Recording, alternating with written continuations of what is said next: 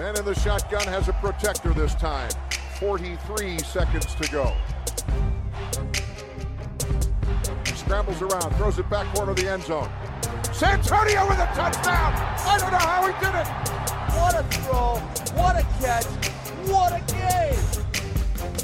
So Mike 43, call 57. That suffocate him! Make him miserable all game long! Get us the ball back! Love him or hate him, but he was Brad. Hej och välkomna till veckans NFL med Mattias, Lasse och Rickard som vanligt när vi nu har spelat färdigt eh, alla matcher inför den stora matchen så att säga och vi har två färdiga Super Bowl-lag. Och det blev Philadelphia Eagles och Kansas City Chiefs som tog sig dit efter eh, en ljummen start på Championship eh, eller Conference-rundan får man säga och en ganska jämn andra match men som kanske slutade lite sådär på ett litet eh, otillfredsställande sätt kanske man kan säga Lasse. Så det var väl inte rakt igenom en, en panghelg det här heller.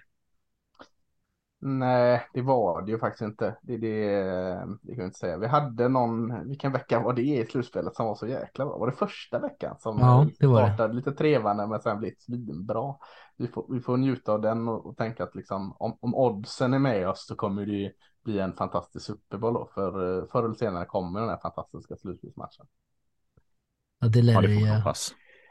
Ja, jag, jag sa det till min sambo att eh, här, det här är den bästa helgen egentligen. För det, jag brukar tycka att de här matcherna är de som är roligast. Att det är lite för mycket eh, liksom, känna på varandra i Super Bowl, lite för mycket nerver i början. Och de här brukar liksom vara eh, den bästa helgen på året. Och så frågar hon då dagen efter, hur var matcherna?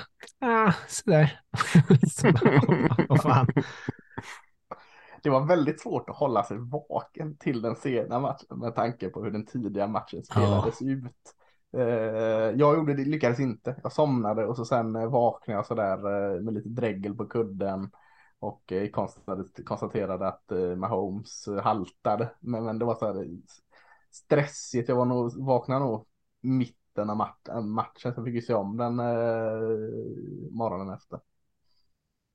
Ja, nej, det var, jag kollade faktiskt hela den och lyckades hålla mig vaken där live på natten, men eh, man gick ju och la sig med en liten, liten klump i magen där för stackars Joseph Osai i, i Bengals. Mm. Det var ju riktigt, ja, han, han hade det tufft där, eh, väldigt tungt på sidlinjen efter hans lilla misstag. Och vi, jag tänker att vi kommer till eh, matcherna och det blir kanske det som blir huvudakten idag, att vi kör en liten recap av den här konferensrundan. Vi ska kolla lite grann på Senior Bowl också som pågår just nu där de bästa sista årsspelarna från college är med. Framförallt är det väl en, en vecka av träningar, men sen är det också brukar avslutas med en match också.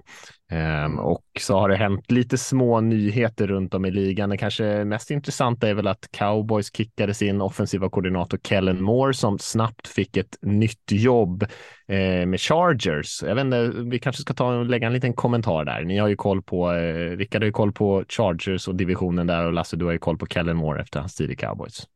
Mm, jag vet inte om Rickard försöker en liten, en liten troll på, på sociala medier här när han lägger falsk trygghet och mod troll. i, uh, i uh, Chargers-fansen på, på Twitter här. Alltså, det kommer bli kanon med Kellemore. Uh, så läste jag det som. Nej då, uh, så det, Kellemore finns mycket gott i honom. ja, det kändes ganska naturligt att Eh, Killemore och Cowboys liksom gick skilda vägar. Jag, jag, tror de är mycket nöjda med vad han har gjort under sin tid där. Men eh, till slut så bevisligen fick man ju inte ut mer av det. Man har inte gjort något offensivt i två slutspel i rad mer eller mindre när det gäller och, och, och, då spelar det ingen roll om man känner dinken dank eh, offensiven i, i grundserien. Ska man ta det här steget någon gång i, i cowboys så måste ju det något annat till här. Eh, och samtidigt så är Kellen Moore, har han gjort det jättebra, ibland med ganska dåliga förutsättningar så att mm, jag vet inte, de som tror att äntligen får vi se eh, eh, Herbert bomba långt. Eh, ah, där ska man nog vara lite skeptisk, men jag tror nog man får se ett ett eh, mer flexibelt offensiv i Chargers. Inte så svårt kanske.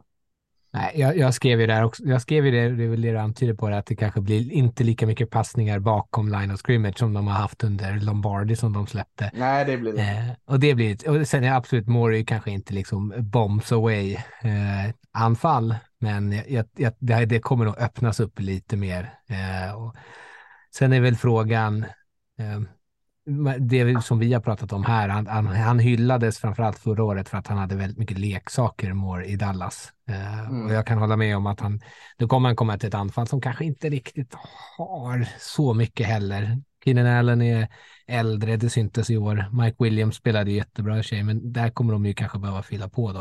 Uh, men ja, jag, vet, alltså jag, jag tycker ändå att det, det inger mer hopp att ha Kellen Moore där än vad det var att ha Lombardi. Det håller jag med Sen är det ju, det här var ju den sista delen av Jason Garretts Dallas Cowboys. Så många liksom, så nu kan vi äntligen vända blad från den här jävla Jason Garrett åren här liksom. Eh, men, men eh, ja, eh, han har mycket gott i sig så jag tror liksom inte, det var ingen dålig och det tyder ju på det att det tog typ en minut innan han fick foten. Ja. Tills han var klar för Chargers. Det, det säger ju något. Jag, jag, jag skrev det, det måste ju de nästan haft på känn. Eller har det liksom pratats om att han hängde löst? Eh, nej, det är liksom inte mer än eh, de vanliga sura fansen där alla hänger löst efter varenda dålig drive. så, så, eh, så, har jag inte, jag har inte sett, eh, inte sett någonting som, som har pratat om det. det. det. har väl varit att, att alla de här bisittarna älskar ju, eh, framför allt Troy Aikman älskar ju att säga this is the next eh, mm. head coach in NFL. Han säger ju det i varenda match han kommer till Cowboys. Så att inte mer åt det hållet, men ja, jag har inte hört något i alla fall.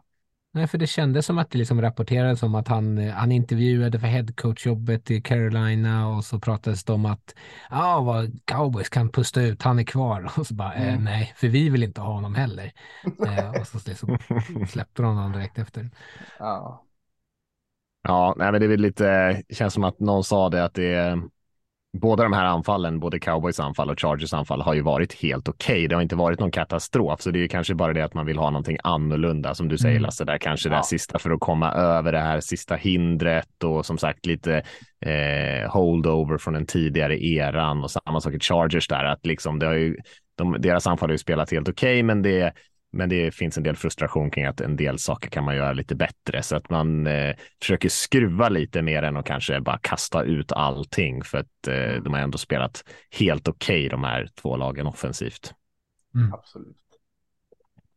Eh, och Mike McCarthy kommer att ta över play calling jobbet där i, i Cowboys då, huvudtränaren. Att han ska... Ja, det är inte helt hundra än, men, men det lutar ju åt det. Han, han har ju gjort det större delen av sin karriär, så att det är ju inte någon, någon liksom, när folk ska, ha, ha, ha, ska Mike McCarthy ta över playcallen? Ja, han gjorde det i Packers.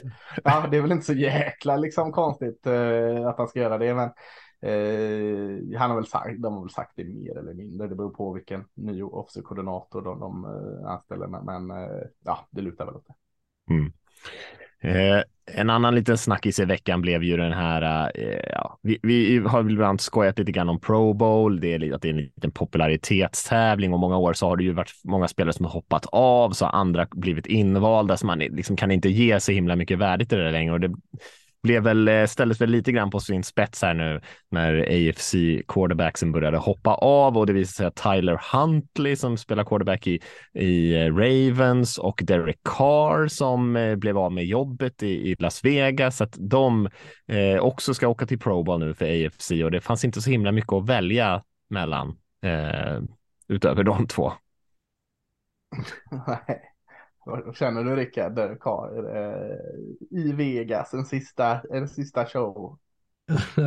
Hans avskeds... Eh, ja, men precis. Hans avskedsturné. Eh, ja. nej, eh, jag skulle, det skulle vara väldigt typiskt honom om han liksom dyker upp utan att ens ha liksom sin Raiders-hjälm på sig, utan att ha typ en Fresno-hjälm eller någonting, bara som ett sista ja. långfinger på vägen ut. Eh, nej, det är så, det är så larvigt hela grejen. Någonstans måste de ju landa i att så här, ja, men de här personerna är inte värdiga att få spela Pro Bowl, för annars tappar ju Pro Bowl hela sitt värde. Alltså är man en bra spelare och så ska man stå bredvid Huntley och Carr, det känns ju liksom, ja, det känns ju fjantigt tycker jag. Eh, då, då, är det väl bättre att bara, nej men det, de som, de som blev utnämnda tackade nej och det, det är ingen som kommer. Och då får man väl se över det som ett annat problem än att liksom lösa det genom att stoppa in Huntley som spelade var sex matcher och hade fler turnovers and touchdowns. Kan 49ers lösa det i eh, conference-final så kan Pro Bowl-lagen lösa det också utan quarterback. Precis. Eller lösa det och lösa Ja, det lösa det kan man ju diskutera. Nej, med. Ja, kan man lösa det att matchen fortgår? Så kan vi Precis. säga. Och det är väl inte ens någon Pro Bowl-match va, i år, utan det är ju bara skills competitions och såna här grejer. Men det är väl någon flaggfotboll. flaggfotboll. Ja, flaggfotbollsmatch, jaha, Ja. ja just det.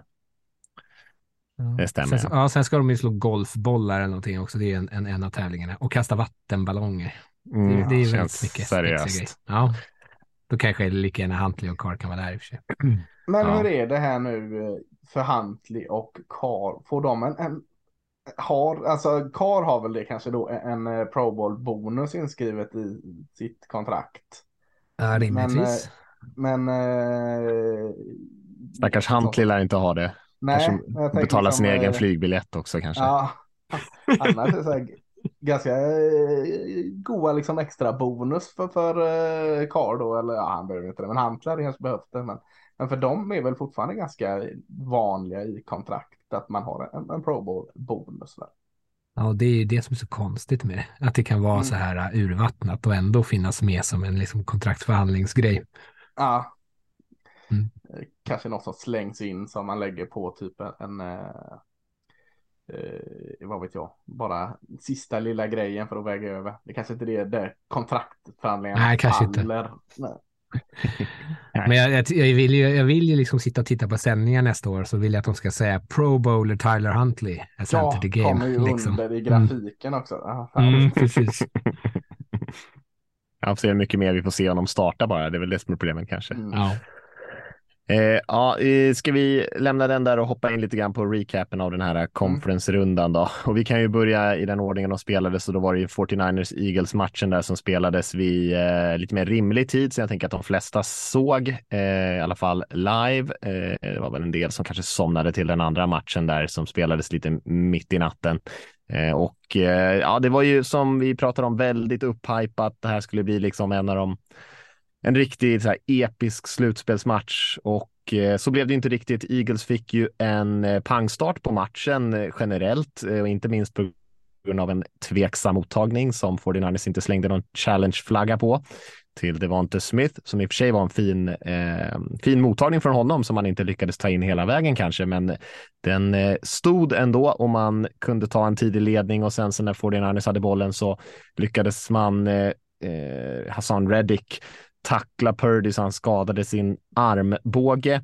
Och sen så fick man ju sätta in Josh Johnson då sin backup-QB, sin fjärde QB den här säsongen. Och även han skadade sig genom att slå huvudet i backen och få en hjärnskakning. Och då fick man skicka in Purdy igen. Men han kunde ju inte kasta bollen en enda gång. Det visar sig i efterhand nu att han har ju en ganska allvarlig skada och kommer vara borta ungefär sex månader. Så det kanske förklarar varför han inte kunde passa överhuvudtaget. Han hade helt enkelt ingen annan quarterback kvar och den slutade i 31-7. Matchen höll sig ganska jämn hyfsat länge men eh, rann ju iväg till slut och det kändes ju aldrig som att det blev någon riktig nerv i den.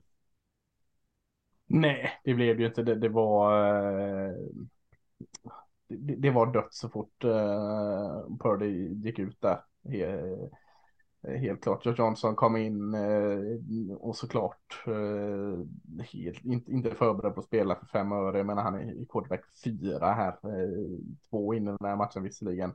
Men det syntes ju väldigt tydligt att han, han inte, man säger jag ska förbereda som jag startar matchen och, och det snacket. Eh, hade han gjort det så hade han förberett dåligt. För han, han, var stressad direkt i fickan och, och all, all heder då till, till eh, monsterpressen från Eagles. Men, men eh, en lite mer varm QB hade i alla fall kunnat göra något mer än vad Josh Johnson gjorde. För han, han gjorde ingenting. Jag, förstår att han kände sig stressad i fickan, eller inte Ja. kände sig så bekväm där med tanke på hur det såg ut, visserligen. Nej, men det var väl lite så att även om, eh, även om 49ers försvar gjorde det bra efter skadan på Purdy och lyckades liksom stoppa Eagles eh, liksom kommande serier så kändes det ju som att 49ers kommer ju verkligen inte kunna göra någonting offensivt. De har ju stor touchdownen på det här stora spelet av Christian McCaffrey som är ett, fan, ett fantastiskt spel, verkligen helt fenomenalt. Mm. Eh, men sen liksom när, Josh Johnson då famlar bollen där precis före halvtid eh, när Eagles leder 14-7 och sen gör en touchdown direkt efter då, och de går in i halvtid med liksom den känslan av att okej, okay, vi har ingen QB och nu ligger vi under 21-7 och vi har inte kunnat göra någonting med anfallet förutom ett liksom eh, spel som knappt går att förklara eh, att det lyckades bli en touchdown. Så då liksom måste man ju vara rätt eh, uppgiven. Ja, verkligen. Ja, fasken, det, det, var, det var en tung vändning där. Det hjälpte inte mycket att man skulle få börja med. För att när snacket var de drev på där så här. Ja, men nu, nu kan de gå upp här i, i 14-14 och så får de bollen att starta tredje mm. kvarten med. Det var så här. Ja, ja, nu har de fördel här och så pang bara så så var det motsatt. Det var sådana här, vem var det? Det var Ravens eh, också där när de skulle upp på goal line och sträcka ut och så sprang här på ja. det var hela planen. Det var lite den känslan liksom. Punkterade det helt. Eh, men eh, vad hopp, vad, vilken hopplös känsla liksom för eh, Fordinanders försvar som du säger spelade jättebra alltså fick ju vara ute hela tiden och, och köra och, och, och, gång på gång på gång på gång stängde ner mer eller mindre Eagles offensiv. Men så och veta liksom att då har vi tre försök om pant på oss och vilar och kanske ett reklamombrott. Sen får vi gå in och göra det här igen liksom. För, för eh, då tänker man så ja men de kanske kan eh, forcera några fumbles eller ta några liksom interception, få poäng där. Men, men äh, Eagles man kan ju säga så här att Eagles offensiv inte var sprudlande, för det var det ju inte. Liksom. Det, det, det var, visst, man satte 31 poäng, men, men det var ju inte wow. Men samtidigt så hade de någon som helst liksom behov av att försöka vara, göra någonting. De spelade just på det. Vi spelar säkert här nu. Vi spelar bara precis vad som krävs. Vi ger inga jäkla turnovers eller momentum över. För Jalen Hurts användes ju inte liksom eh, på något annat sätt än, ja, sprang lite där konstigt nog eh, en, eh, en del av matchen, men eh, liksom snabba enkla pass ut. Man sprang väldigt mycket, roterade med Hurts, Sanders, Gainwell och, och, och korta pass på Brown och, och Goddard. Och, så att liksom, man såg bara till att flyta på i offensiven, inte ge bort någonting till Fodenanders. Så att på det sättet så tycker jag deras offensiv också ska ha beröm. Ja, Ja, för det är det som, hade, det som de hade kunnat förlora matchen på var ju om de hade gjort en massa liksom, turnovers och de är jättekonservativa i anfallet och det kanske man, mm. man kan, det kan ses som någonting dåligt, men det kan också som du säger ses som bara en, en styrka att våga ja. vara tålmodig med liksom vetskapen om att vårt försvar kommer liksom inte släppa så mycket poäng och vårt anfall Nej. kommer till slut lyckas. Något av de här konservativa spelen kommer till slut bli någonting stort. Precis. Ja visst är det så. De, som ni säger, de behövde inte göra så mycket och de spelade väl kanske inte så där pang bra offensivt, men de gjorde det de skulle. Men det, det blir ju svårt också när man liksom tar foten av gasen så där och försöka göra mm. något. Och Hurts hade ju några eh, chanser på stora spel tidigt i matchen som han faktiskt missade. Eh, som i en tajtare match hade du kanske kunnat liksom skada dem, men med tanke på hur bra försvaret spelade och, och situationen i 49ers så så gjorde inte det någonting i slutändan. Ehm, det blev ju lite snack där om att 49ers hade eh, en, en jäkla otur i den här matchen. Det har de ju. Men jag och Rickard pratade lite om det inför här. Jag menar, eh, den första passningen där till Devonte Smith eh, på fjärde down var det väl till och med långa enhandsmottagningen. Det är supersvårt för domaren att se det här läget. Han har ju ryggen, receivern har ju ryggen mot domaren. Det är ju egentligen upp till coachingstaben i 49ers att kasta den där challenge-flaggan. Det är därför man har sådana där. Det gör man inte. Det är ju ett misstag egentligen från 49ers och sen även mm. skadan på Purdy Eh, då har man eh, sin backup tight end en mot en i blockering mot All Pro Russian, Hassan Reddick i Eagles. Det är ju inte otur utan det är ju ett misstag som gör att Purdy skadar sig. Så där får ju 49ers, det är lite otur att han får en sån allvarlig skada, men man sätter sig i den situationen genom att ta liksom ett dåligt coachingbeslut får man säga. Och sen även på Josh Johnson-skadan där i, jag tror inte det hade gjort så där supermycket skillnad kanske som ni säger, han såg väldigt skakad ut, men, men även där är det ju Eagles defensiva linje som får en ordentlig press och trycker honom i backen och det är oflyt att han slår i huvudet, men um, men det är ju också en, en, eh, en konsekvens av den otroliga press som Eagles får där. Så att eh, både oflyt från 49ers men också lite oskärpa i de här viktiga matchsituationerna kombinerat med det som gör att man tappar den här matchen. Jag tror att jag personligen tror att Eagles hade vunnit den här matchen vilket som, det får vi aldrig veta. Eh, men jag tyckte att de spelade så pass bra att de ska ha cred för det i sitt försvar. Ja, det håller jag absolut med om. Eh, Ja. Och, och he, hela det snacket, och det, det, finns ju fog för att det snacket liksom är som det är nu, att de har haft en jäkla gräddfil till Super Bowl Eagles. Men samtidigt, alltså, eh, ja, man, man, kan prata om hur, hur, dåliga Giants var i den här matchen mot Eagles, men man kan också prata om hur jäkla bra Eagles var i den matchen mot Giants. Giants slog ändå ut Vikings och var inte där på grund av att de vann en lottdragning. Giants var där trots allt och, och eh, hade spelat bra mot, mot Vikings och avslutade säsongen bra. Eagles klädde av Giants. Visst, Giants var bleka i den matchen, men man kan också lyfta fram hur jäkla bra Eagles var i den matchen. Det tycker jag är deras bästa match eh, eh av dem jag har sett på hela året, den har spelat mot Giants. Och, mm. och eh, så, så, att det är lite för enkelt liksom, eller ja, de har, har haft lite lite enklare väg till Super Bowl, absolut. Men, men vägen börjar ju också i, under eh, försäsongen, under free agency, under, under draft. Alltså, vi har pratat om det många gånger, hur jäkla bra de hanterar eh, att man har en, en, eh, en QB på, på eh, rookie deal. Men man, man signar aktivt massa spelare in för att man har råd att göra det nu. Där börjar ju deras resa. Så, så den har varit lång och, och eh, Eagles förtjänar absolut eh, lika mycket som, som eh, Chiefs att vara i Super Bowl, även att Eh, den sista matchen här och kanske den näst sista var lite enklare. Så, så eh, ja, lite stolpe in i slutet, men eh, det är inget snack om att Eagles ska vara i Super Bowl. Nej, och i slutändan så är det så här, eh, har vägen varit lätt? Eh, visserligen kanske. Eh, att, att, Giants var så sjukt dåliga i, NFC, eller divisional-matchen är ju på grund av Eagles är så sjukt bra och 49ers skadan absolut på Purdy är såklart skittrist. Men de är ju det bästa laget i NFC. Det är, ju inte så att de har gått vidare och man känner att de inte är förtjänta att vara där. Liksom. Eller så att de har snubblat sig fram trots, trots sitt eget, sin egen dålighet. De har ju snarare bara vunnit och det har varit kanske lite enklare för att de har varit så bra och laget de har mött haft så svårt. Mm. Mm. Nej, så är det ju verkligen. Och för 49ers är det såklart ett jäkligt surt sätt att åka ut på eh, med säsongen de har haft. Liksom fyra QB-skador, det är ju ganska osannolikt får man säga mm. att det mm. skulle hända.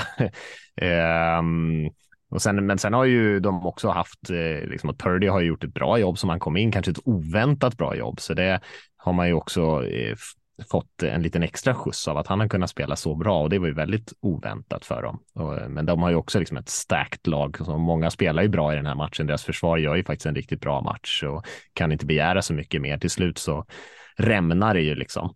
Eh, och sen är det ju lite surt för oss alla som satt och hoppades på en jätte jättebra match här mellan två det dominanta lag. Att det blev en så, att det blev de här skadorna som verkligen tog, tog bort udden av matchen.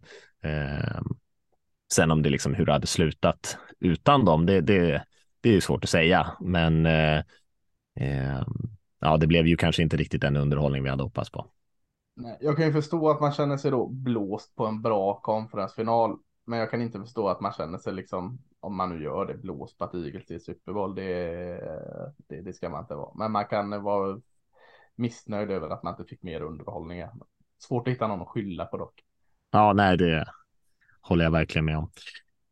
Eh, jag vet inte om det finns, finns det så mycket mer att säga i den matchen? Eh, det, det var ju bara, det var ju väldigt ensidigt såklart och skadorna var ju det som eh, utmärkte matchen och Eagles dominans framför allt på defensiva linjen. Mm. Ska vi hoppa till den andra matchen då, Bengals Chiefs? Även den mm. blev ju lite speciell, för vi visste ju att Patrick Mahomes hade en skada sedan innan och han såg inte så där dunderpigg ut eh, i den här matchen och sen så fick man ju också flera spelare skadade under matchen. Eh, framförallt i anfallet på receiverpositionen. Men trots det så lyckades man eh, vinna den här matchen som blev tight i slutändan 23-20 och eh, Bengals hade ju ganska stora problem med, med Chiefs försvar, den här offensiva linjen som vi lyfte förra veckan som hade spelat oväntat bra, skulle få en liten tuffare uppgift här nu, hade det ju betydligt mycket svårare. Man lyckades ju i stort sett inte springa bollen överhuvudtaget och det gjorde man ju veckan innan. Så det var ju som bortblåst nästan här, så att man kan ju säga att Mahomes kommer ju få mycket av rubrikerna med all rätt med tanke på hur bra han spelar med alla de här skadorna. Men eh, Chiefs försvar var väl kanske det som var den avgörande faktorn, tycker jag, i den här matchen. Att man eh, får ändå många chanser också att, att komma ut och, och, eh, och hitta lösningar trots problemen som man hade. Chris Jones är ju så bra. Alltså jag var sjukt ja. att han eh, inte hade haft en säck i, i uh, slutspelet innan. Drar han till och med två här. Men, men de två sexorna, alltså han är ju uppe i, i Burrows ansikte när han vill. Alltså när det är hans uppgift att gå upp och störa och vara i ansiktet på Joe Burrow så är Chris Jones och stör upp i ansiktet på Joe Burrow. Är sjukt bra och, och, och, eh, förra veckan lyfte jag fram eh, Nad, eh, Drake Naddy där. Nu tycker jag han också, Kalin Saunders där i mitten också gör ett sånt här liksom eh, unsung hero-jobb, liksom drar på sig mycket och trycker upp mycket och gör jobbet för Chris Jones enklare. Så att just pressen från insidan tycker jag är så jäkla mäktig med, eller med eh, Chiefs. Liksom oftast kanske man inte gör, men ofta tänker man utsidan in om man tar 49ers med Bosa till exempel som kommer eller Hassan Reddick i Eagles. Här är det liksom insidan som får fokus. Eh, och det ser inte jag så ofta i alla fall. Tycker det är jäkla kul att se och, och, och där är ju Chris Jones kungen. Och Chervarius ja. Ward kan man ju lyfta också på cornerposition ja, som spelar fantastiskt ja. för Chiefs också i den här matchen. Mm. Ja, jag, tyck, jag tyckte det är intressant det här med typ hur Jones spelar bra, hur mycket press de får på Burrow i början av matchen. De har ju tre sax bara i första kvarten när Bengals då också har noll offensiva yards tror jag. Mm. De visade något där eh, är liksom förskräckligt, men ändå se sen det är så mycket coachgrejer där och Romo som kommenterade matchen poängterade det också rätt mycket. Att så här, ja, när Bengals märkte att okej, okay, våran offensiva linje klarar inte av det här, de har så enorma problem, då började de hålla kvar sina tight ends inne för att blockera eh, och det liksom funkade ju ett tag på några serier. Det började ju där precis före halvtid så lyckades det kändes det som att de fick lite momentum och det var ju för att okej, okay, nu hittar vi ett sätt att kontra den här pass rushen från framförallt då Jones och den offensiva linjen.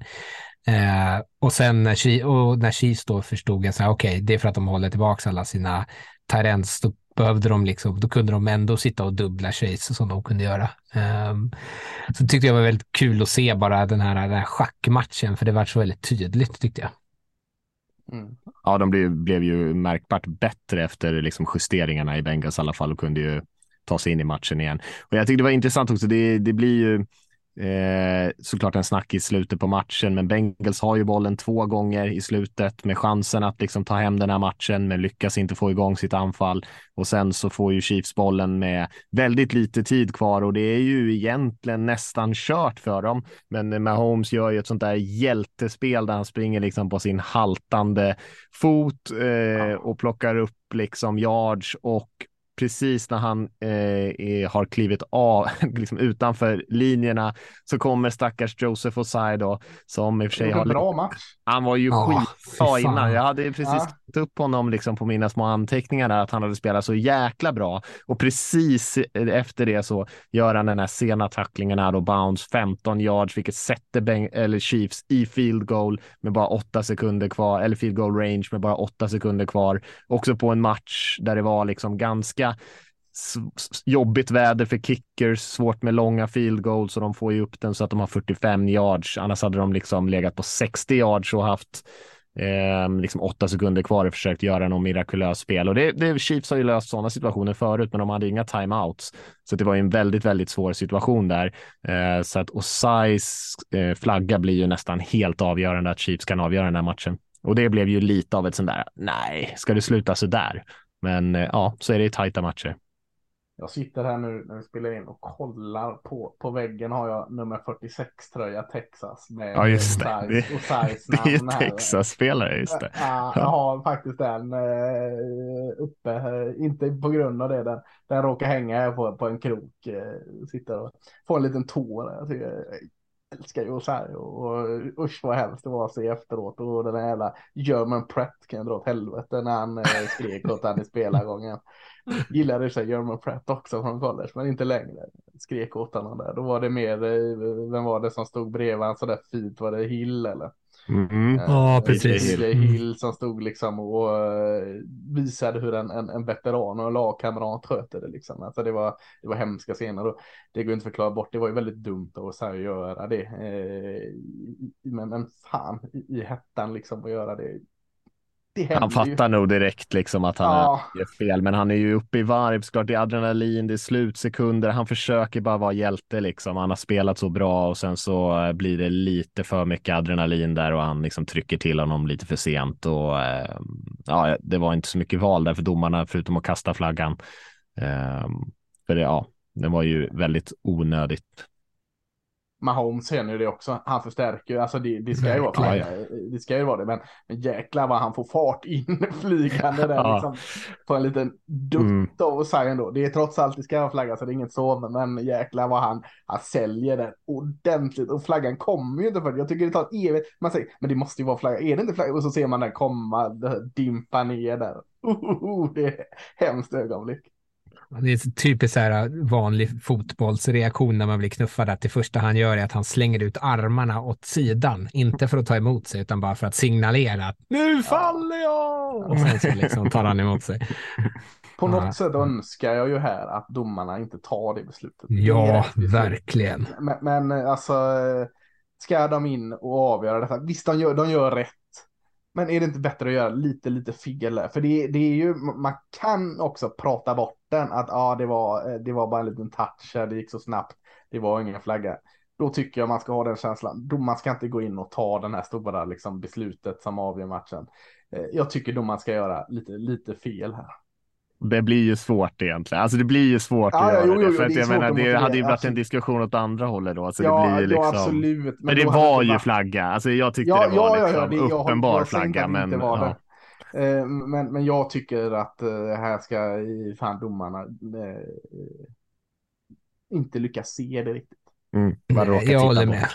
Alltså, jag tycker inte, jag tycker inte heller, alltså det, det, är inte alltid de kallar de här. Jag tycker att det är lite av ett judgment call ibland, som att de liksom mm. släpper de här. Och det, det, gör de ju kanske sällan när det är en QB, det är väl kanske mer än någonting annat. Joe Mixon får ju en tackling när han är på tydligt på sidlinjen tidigare i matchen och det är ju ingen flagga på det.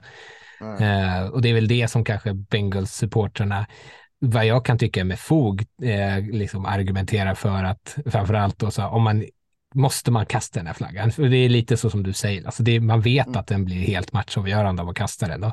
Kastar mm. man den inte, ja, då går matchen troligtvis till övertid och man kommer inte prata om bristen, eller alltså att den saknar Jo, det flagga. hade man gjort. Det hade man gjort man, det är ingen som hade tyckt att så här, Chiefs förtjänade att få den där flaggan och vinna matchen på det sättet. Det var synd att de inte fick den. Nu pratar man ju snarare Chiefs, om att... Chiefs-fansen kanske om de hade torskat på övertid. Ah, ja, kanske. Men det, det hade ju varit fjantigare än att Bengals-fansen nu gnäller på att den är, att den är onödig, tycker jag. Ja. Nej, men alltså Bengals-fansen, klart att de ska gnälla. Det är ju deras roll. Men eh, så här, objektivt så tyckte jag nog att eh, den var rätt tydlig. Det blev, det blev ju mycket snack om domarna efter den här matchen. Jag tyckte inte att det var så mycket domslut som var avgörande eller direkt fel så där, men de gjorde ju några klantiga grejer. Chiefs hade ju ett spel som de fick en tredje och nio, så de spelade igenom spelet, misslyckades att plocka upp en first down och liksom puntgänget eh, traskade ut på banan och sen så kom domarna och sa att nej, nej, nej, nej, nej, nej, vi hade blåst av förresten. Den där tredje downen ska spelas om eh, och liksom ingen spelare i något lag hade ju fattat någonting och ja, det kanske var rätt så där i slutändan för domaren, har, ena domaren hade tydligen blåst i, i pipan även fast ingen hade hört honom och viftat med armarna. Men eh, det var ju väldigt underligt skött i alla fall, inte särskilt proffsigt. Och sen så var det ju också en situation med Joe Burrow där han åkte ut på en intentional grounding som man kan diskutera om det var rätt eller fel. Jag tyckte det var rätt. Eh, direkt när jag såg den så tänkte jag att han ser knappt sin running back där. Han försökte kasta en boll, han kastade en boll ner i marken egentligen mot sina linjespelare, men de hade, han hade ju Samaje P. Ryan inte jättelångt därifrån, men, men jag tyckte nog att det var en rätt dömd grounding-flagga också. Men om man slår ihop alla de här grejerna, den här omspelade tredje downen som i och för sig ändå resulterade i en punt på den Eh, serien lite senare och den här sena tacklingen då på Mahomes i kombination med att de kanske inte kallar den på Mixon och den här intentional grounding flaggan som var kanske, ja, om man har Bengals glasögonen på sig kanske kan tycka att den var lite hård. Ja, då blev det kanske många som var lite sådär, eh, inte helt 100% solklara och alla gick emot Bengals. Eh, av den anledningen så kan jag förstå att man känner att ah, kunde vi inte ha liksom fått någon av dem där i alla fall. Ja, och Mahomes har ju också en, den som skulle kunna diskuteras var en intentional grounding på spelet precis före den där scramble när han blev tacklad av Osai på andra och fjärde, när han också bara kastar iväg en passning, men den är i alla fall något närmre Kelsey än vad eh, Barrows mm. passning var mot Pirine. Eh, den, den kanske inte jag heller. Jag tycker, alltså så här, i sitt, i, liksom, som du säger, tittar man bara på domslut efter domslut efter domslut i ett vakuum så är det ju inte kanske nödvändigtvis fel, men det är liksom på något sätt så känns det som, som du säger, att det är liksom att vågskålen kanske tippade mot, till Chiefs fördel, även fast det är liksom samtidigt, det är, så här, det är ju helt omöjligt. Det, man vill ju inte heller att domarna ska gå in och ha det som en del i sin bedömning. Att, fan, Nej, nu har exakt. Hur många mycket. flaggor har jag kastat åt det hållet? ja, Kanske jag ska kasta en åt andra hållet nästa ja, gång. Ja, det blir precis. inte heller så bra. Men eh, ja, jag förstår Bengals-fansen, måste jag ändå säga. Ja. Jag, jag, jag skyr ju sällan på att hugga på domarna, så, så jag, jag gör ju gladeligen det. Alltså, jag, jag tycker, eh, fan överlag, det kan, vi kan även ta in den andra matchen när det är då, om man ska prata, alltså när det är slutspel här, eh, de ska stå så jäkla lite i centrum som de bara kan. Och det var en, en period under den här eh, 49ers IGF-matchen också, jag tror det var innan paus där.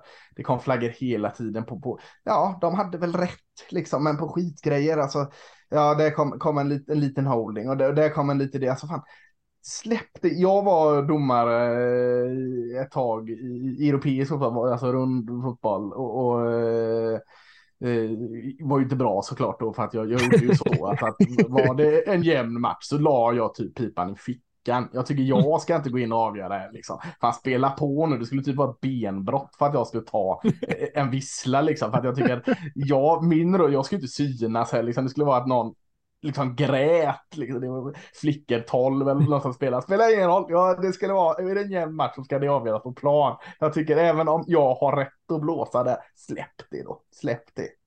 Eh, eh, eh när det är sånt här slutspel så eh, tydliga flaggor tar de, resten se åt andra hållet. Ja, ja, jag vet inte vad jag ska säga. Stackars flickor. du ska säga om Lasses domarkarriär. Nej, jag kan hålla med om att de syntes en del, men det, ja. det, det, är, det är också en jävligt otacksam sits. Jag tycker att det ja, kanske det är, det är som man kan, kan ta av det och som det finns liksom eh, alltid. Jag fattar inte varför den inte diskussionen liksom förs varje år hela tiden och varför den i alla fall inte resulterar någonting är att så här, ja men man, det är kanske ett problem om hur det ser ut och att det bedöms inkonsekvent och det är skillnad mellan de olika domarstaberna och från match till match. Mm. Att säga, ja men de är inte fulltidsdomare utan de har andra saker. Så man, va, kan man, liksom, det måste ju ändå kunna vara något man kan åtgärda. Liksom. Mm. Ha tränare, som är, eller domare, de kan väl vara på trän, alla lags träningar varje vecka som en del av sitt jobb och liksom själva också då träna på att ta domslut. Mm. Sen är det ju också en sport får man ju säga som är ganska mycket bedömningscalls ja. i och det ställer ju, det blir ju ett problem i sådana här liksom för att sporten i sig är ju också byggd för att liksom eh, avgöras på enskilda situationer. Det är liksom de här tredje downsen, det är de här liksom, slutet på matcherna och mm. det är små marginaler mellan vinst och förlust och, och sen samtidigt då ha en regelbok som är eh, ja, men ganska Omöjlig. luddig på sina håll. Liksom. Jag, menar, jag tänker att Bengals-fansen var ju också på och lyfte att det var ett holding call på eh, på Chiefs offensiva linjespelare på den här Mahomes springspelet i slutet. Det, det hade de ju. Ja, men det, det, det hade de fel, det hade de fel i. det hade de fel i. För det var ju en sån just den situationen, ja, man måste ju nästan se den framför sig, men det var ju liksom ett så swim move som gör att ändå offensiva linjespelaren får göra så där. Men jag, men jag tror att så, om man sitter och letar efter spel så där, då, då blir det ju väldigt lätt att man kan hitta ganska mycket situationer och ja. vi har pratat om det tidigare, liksom. det är ju nästan holding någonstans på linjen av antingen offensiva eller defensiva linjespelarna på nästan varje spel. Så att man, det är lite farligt att sitta och liksom eh, köra cut-ups på liksom eh, eh, de olika linjeduellerna på, på de här sista avgörande spelen. Det, det, om man vill så hittar man lätt något när man har torskat och det kanske hjälper en att, att komma över förlusten lite grann och då, ska, då kan man väl göra det. Men eh, det är svårt att säga att det är liksom eh, vad man ska göra annorlunda. Det, det, det blir ganska tufft.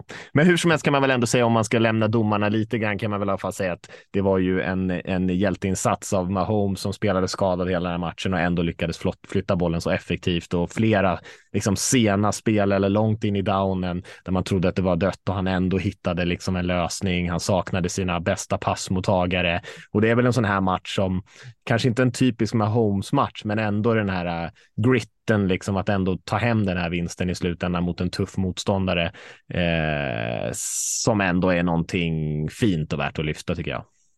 Absolut, skiljer sig en del eh, från, från Joe där liksom, han har inte tronen än Jobbar och Alltså Patrick Mahomes är fortfarande i, i, i, i kungasitsen. Eh, kan kanske argumentera för att Joe hade en dålig match. Jag, jag, vill, jag vill säga det för att vi har eh, aldrig sett han göra en dålig match eller pratat om det.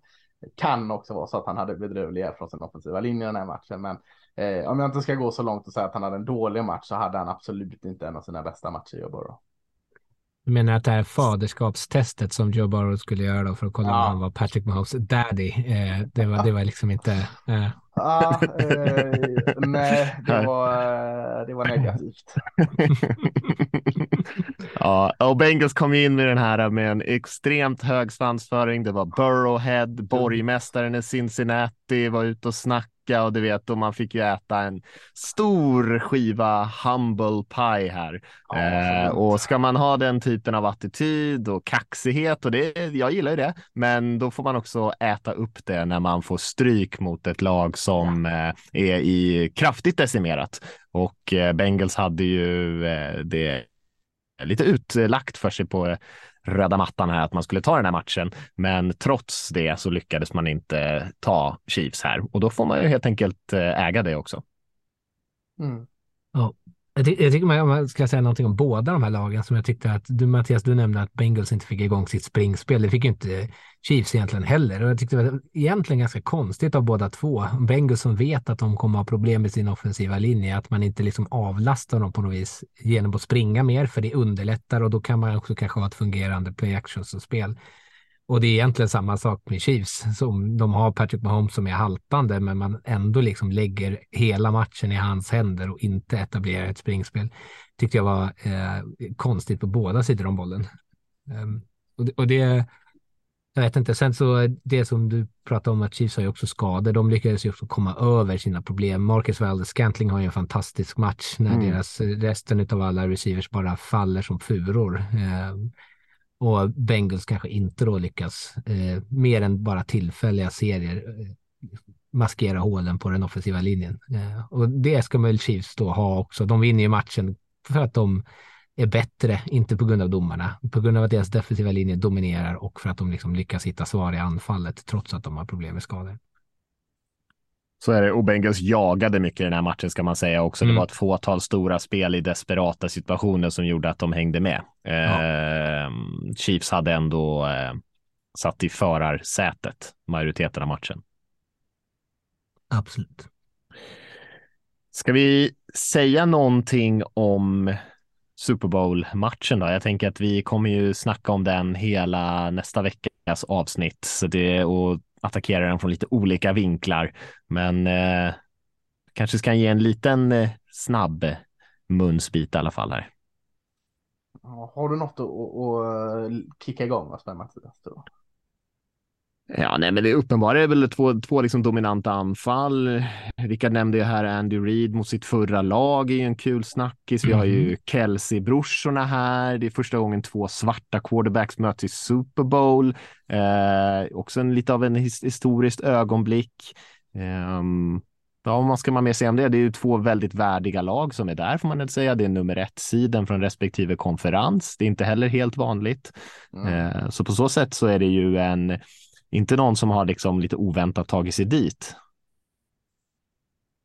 Nej, eh, tala lite för gott liksom. Det finns redan nu för många storylines och eh, för att det ska bli en riktigt, riktigt bra match. Så jag, jag börjar redan nu bli lite orolig att man går in i den här med för höga förväntningar. De, de ska vi piska upp då framförallt nästa vecka och bygga upp höga förväntningar ännu mer. Men, men ja, det talar ju för att bli en riktigt, riktigt bra match. Så att två bra offensiv, kan säga att det är två bra försvarare också. Man kommer inte mm. hela vägen om man inte kan försvara heller och, och det visade ju eh, Chris Jones prov på och mycket kanske, eh, ja, inte bara Christian för den delen. Det visade båda försvaren prov på senaste matchen.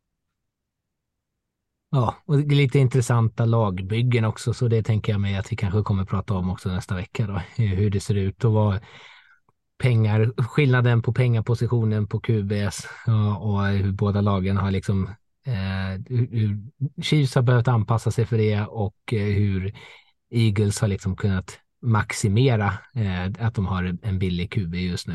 Eh, Mm. Känns ju också som, ja det är absolut, det finns ju, kommer ju finnas hur mycket snackisar, hur mycket liksom, olika vinklar och rynkor som man kan liksom, prata om matchen på eh, som helst. Så det kommer ju vara fullt av media coverage som kommer vara så härligt snaskigt, precis som du säger Lasse, och sitta och så här ladda upp med. Mm. Så kan man ju säga också att eh, Mahomes spelade väl sin femte raka AFC Championship mm, game här nu, går till sin andra Super Bowl. Han har ju bara startat fem säsonger, va? så han har väl spelat AFC Championship Championship game varje säsong yeah. och tagit sig till sin andra Super Bowl här nu.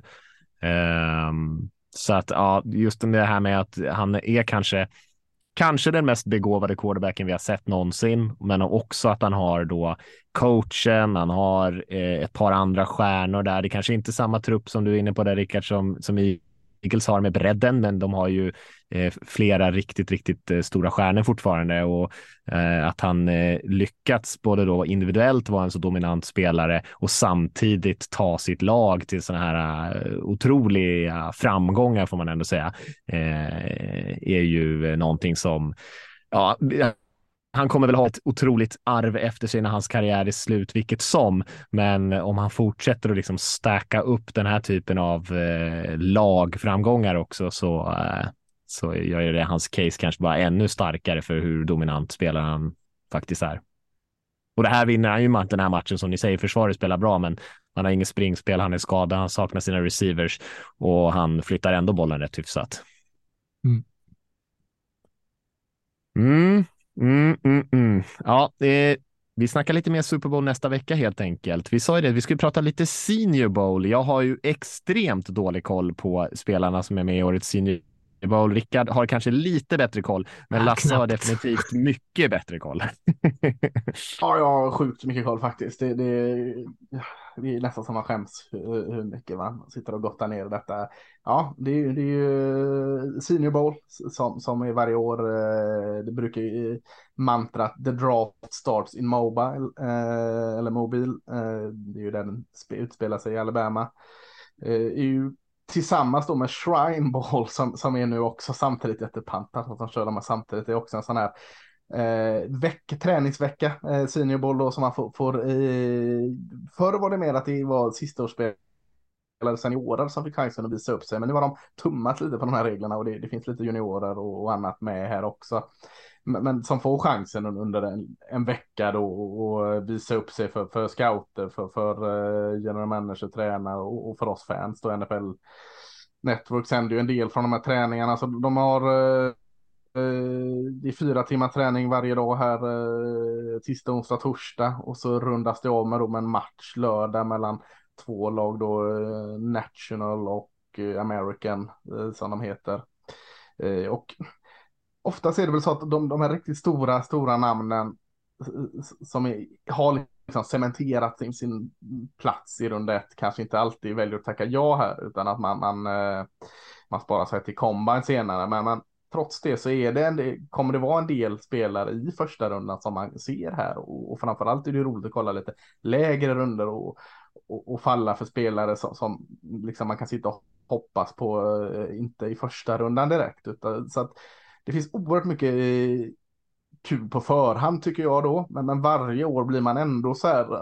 Jag har ju en, en skamlig lista på 50-60 personer jag ska liksom följa med. Men trots att jag har 50-60 personer så är det ändå ett par som jag inte har uppskrivna som, som jag blir så här. Fasken, han, han ser ju skitkul ut. Så eh, eh, jag vet inte Rickard, du brukar ju ändå, din eh, draft startar väl också i mobil eh, oftast va? Ja, det gör den. Jag har varit lite sen på kakan i år, eh, tyvärr. Eh, så jag har faktiskt ganska dålig koll på, jag har försökt läsa på mest om en del spelare och så har jag sett eh, quarterbacksen, eh, för att det var där jag började. Mm. Men jag tycker, jag, ja. håller med, alltså bara sitta och titta på de här träningarna är ju förskräckligt kul. Kolla framförallt offensiva defensiva linjespelarna mot varandra en mot en är ju asroliga grejer. Kolla wide receivers mot cornerbacks tycker jag också är kul, även fast försvararna alltid är i underläge. Men liksom, vi såg ju typ Christian Watson förra året imponera och liksom plocka sig andra rundan från kanske ingenstans egentligen och sen har haft ett jättebra år.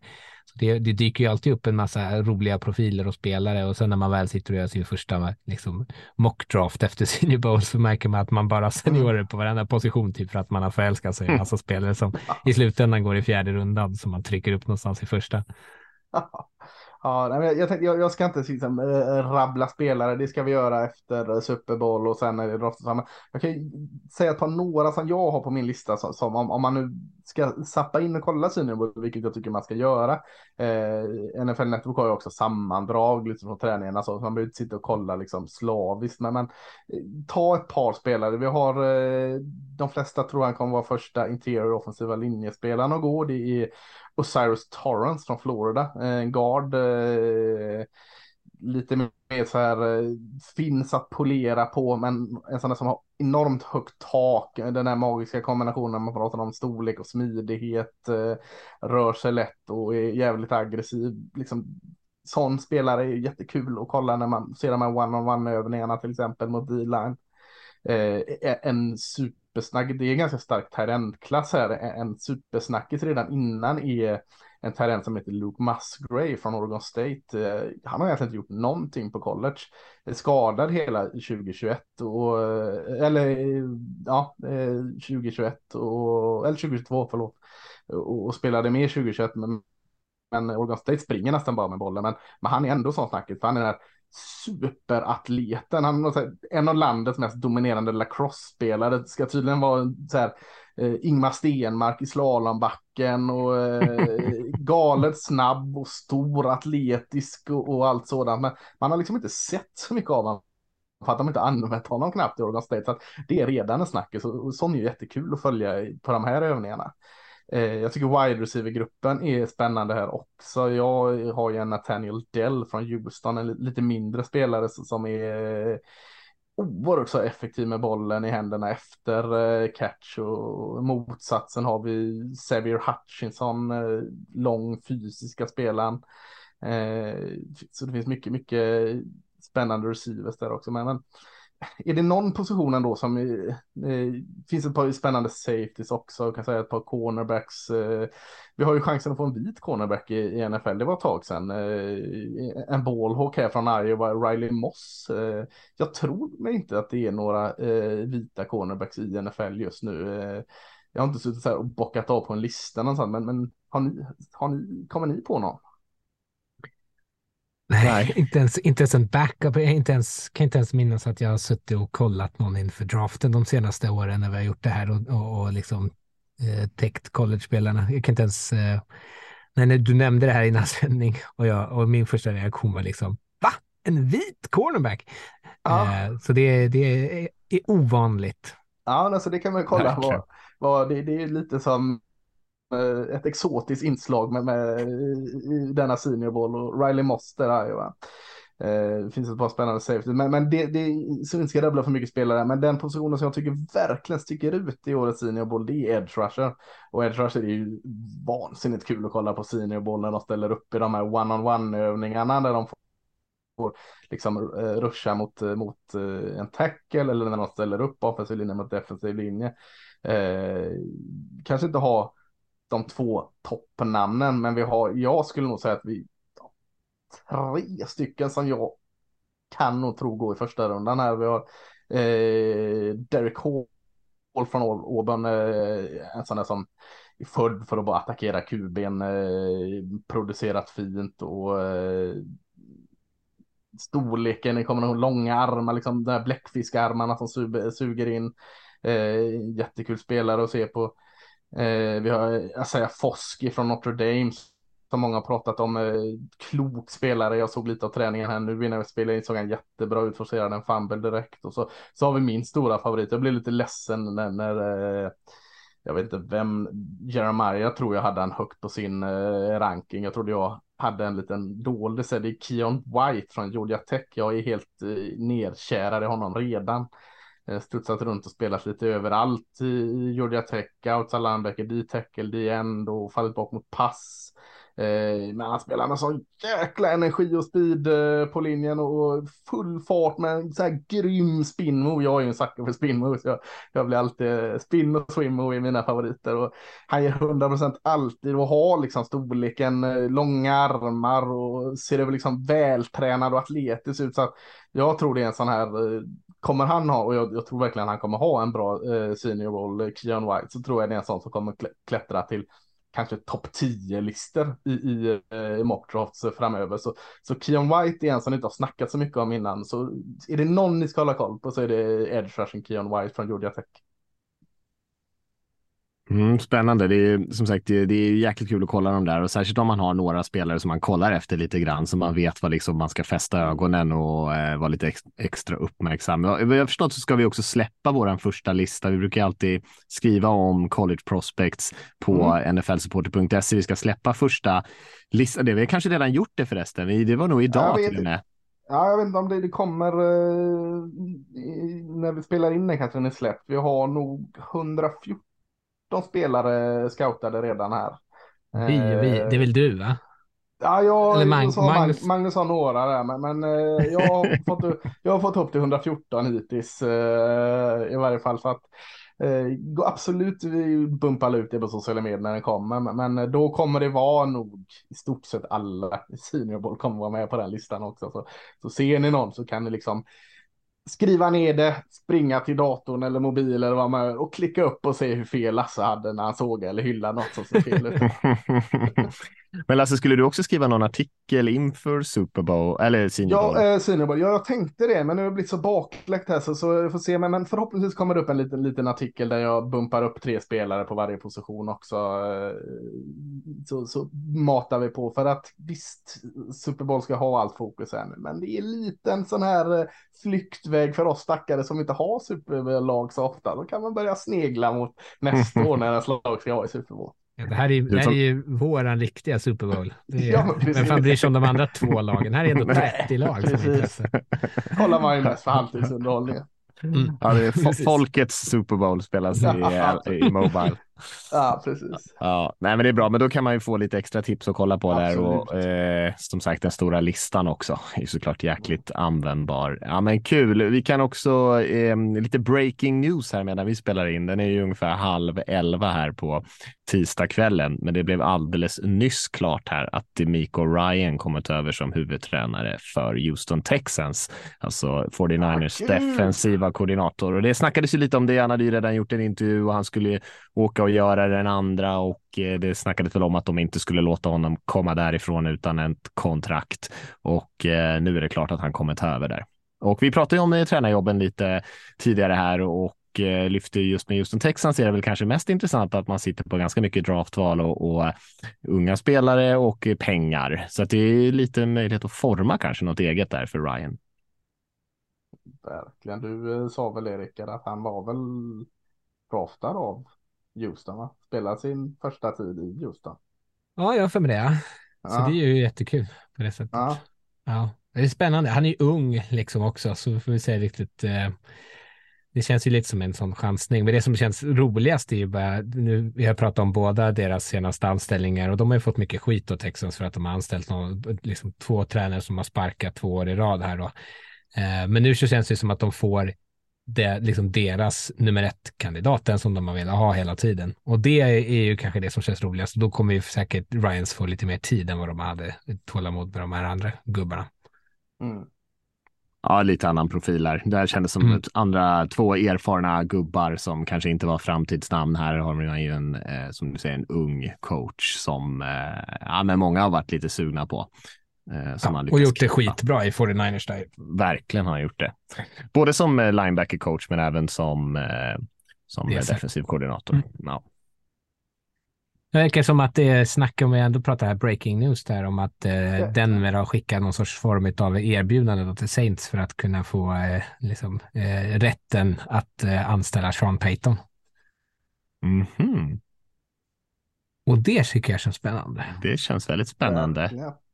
Nu tappar han ju visserligen sin defensiva koordinator Vic Fangio, som det pratades om att han skulle gå ihop med som signade i Miami. Jag trodde det var ett tecken på att Peyton skulle stanna kvar och kommentera. Och det kanske han gör ändå. Det här är väl egentligen bara att det är Denver som har liksom pratat om ett eventuellt paket för att liksom trada till sig honom. Och sen måste ju de i sånt fall också då komma överens. Så det är, det är kanske långt ifrån klart, men i alla fall närmre än någonsin tidigare. Mm, och nu är det lite risk att vi sitter här eh, och, pratar liksom om gårdagens nyheter. Ja, så, det. det inte är live här, men Fanjo hade ju heller inte, han hade ju själv förnekat att han accepterat något jobb i Miami. Mm -hmm. så jag vet inte vad som händer i den situationen riktigt. Och då var det någon som lyfte att ah, men nu när Ryan kanske är på väg bort från 49ers, kanske Vic Fangio hamnar hos 49ers istället. Ja, så vi får se hur hela den där soppan spelar ut där. Men det, det, enligt Fangio då, så var, var det inte riktigt helt klart med, med Miami än. Så att, eh, det kanske är det när vi släpper den här podden. Men... Ja, han lär ju inte gå till Denver som precis kickade honom som HC ändå. Nej, det kommer Nej. han ju aldrig göra. Men fan om han går till 49ers istället och så signar de Brady. Det, det, det är en kul off-season för 49ers. Ja, då glömmer man snabbt bort Purdys skada. Ja, och Purdy överhuvudtaget. Ja, det tror jag. ja, eh, ska vi runda av tycker ni? Ja, det är kanske ja. rimligt.